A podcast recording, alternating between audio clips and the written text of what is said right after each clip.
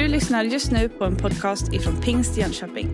Vi hoppas att denna undervisning kommer att hjälpa dig att växa i din personliga relation med Gud. Välkommen till den här andakten som jag, som heter Kjell Olsson och är pastor i Philadelphia Bankeryd, Pingst Bankeryd, har förmånen att leda. Den här veckan har jag försökt att plocka några texter ur Marcus evangeliet som beskriver stilla veckan, alltså den sista veckan i Jesu liv.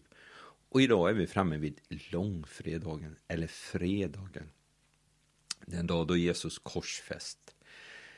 Ett uttryck som ganska ofta citeras när det gäller långfredagen i predikningar, i andakter, i bibelläsning och texter är ordet fullbordat eller att Jesus fullbordade, fullföljde.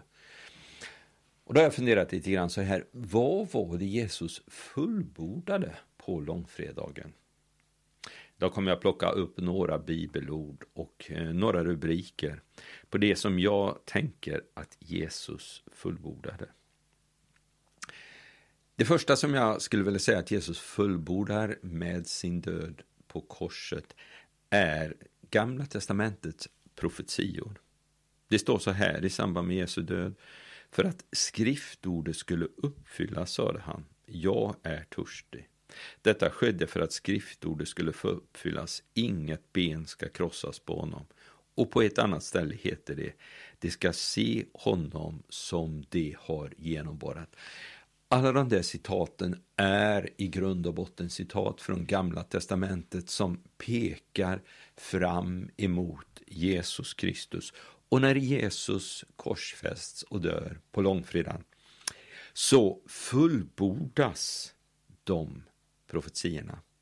Är det här viktigt? Ja, jag tänker för min del att det är viktigt. Och det visar, tänker jag, på Guds trovärdighet, att han håller vad han har lovat, att det som är uttalat i Gamla testamentet om den kommande Messias blir verklighet.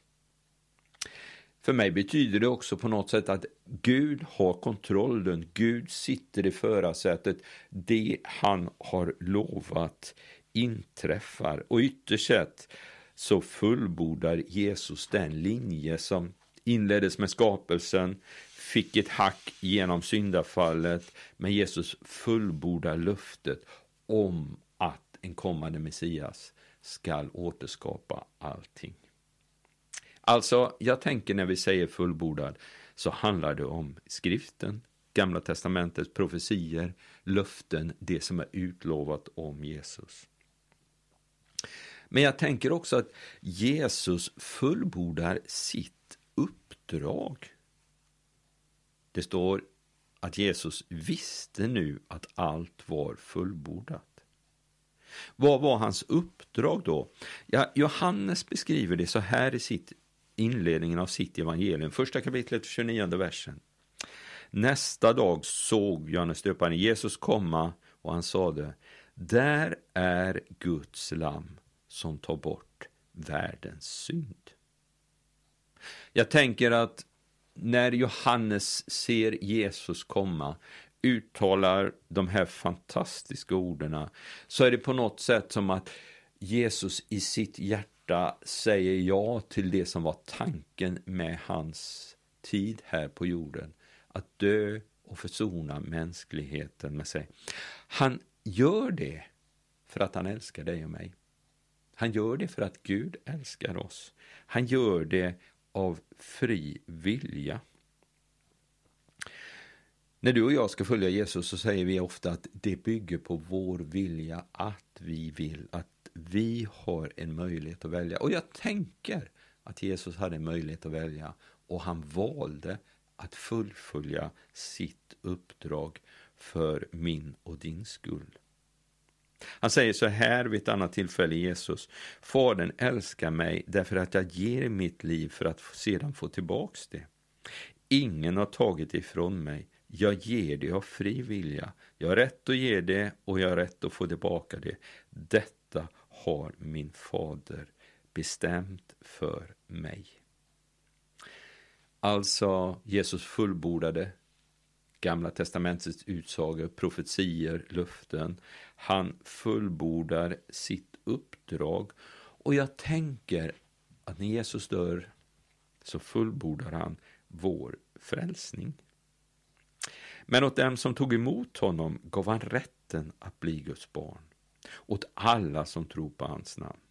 Som har blivit födda, inte av blod, inte av kroppsvilja, inte av någon mans vilja, utan av Gud. Och ordet blev människa och bodde bland oss, och vi såg hans härlighet, en härlighet som den enda sonen får av sin fader, och han var fylld av nåd och sanning. Jesu uppdrag kan sammanfattas i orden nåd och sanning. En nåd att Jesus är min enda möjlighet. Att Jesus är min enda chans till en gemenskap med Gud. Att Jesus är den enda vägen till Gud.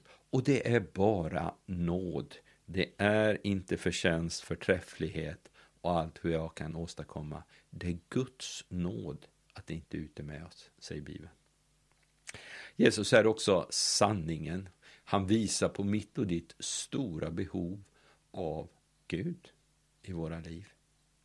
Relationen mellan Jesus och Fadern, hur Jesus var beroende av Fadern, gör hans vilja, lyssna till hans röst, bara utföra det som Fadern sa och liksom vila i Fadern, är en enorm förebild för sanningen om mitt och ditt liv. Vi är ytterst sett helt beroende av Gud. Vi är ytterst sett helt beroende av att få lägga våra liv i hans hand, i hans liv. Avslutningsvis så skulle man då kunna säga att Jesus fullbordade den nya gemenskapen. Men vid Jesus kors stod hans mor och hennes systrar, Maria som var gift med Kleopas och Maria från Magdala. När Jesus såg sin mor och bredvid henne den lärjunge som han älskade sade han till sin mor, kvinna, där är din son. Sedan sa han till lärjungen, där är din mor. Från den stunden hade hon sitt hem hos lärjungen. Alltså Jesus fullbordar den nya gemenskapen, eller gör den nya gemenskapen möjlig, som inte bygger på ålder, som inte bygger på etnicitet, som inte bygger på kunskap, som inte bygger på samhällsstatus, utan som bygger på nåden i Jesus Kristus. Att du och jag kan få vara en del av Guds rike. Att du och jag, oavsett vår bakgrund, oavsett vår kompetens, oavsett våra resurser, är lika värdefulla rakt in i Guds rike. Jag tänker att långfredagen handlar om att Jesus fullbordar skriftens ord, han fullbordar sitt uppdrag, han fullbordar min och din frälsning och han skapar den nya gemenskapen. Tack för att du har varit med och lyssnat. Du har just lyssnat på en podcast ifrån Pingst Jönköping. För att få reda på mer om vilka vi är och vad som händer i vår kyrka så kan du gå in på pingstjonkoping.se eller följa oss på sociala medier via pingstikpg.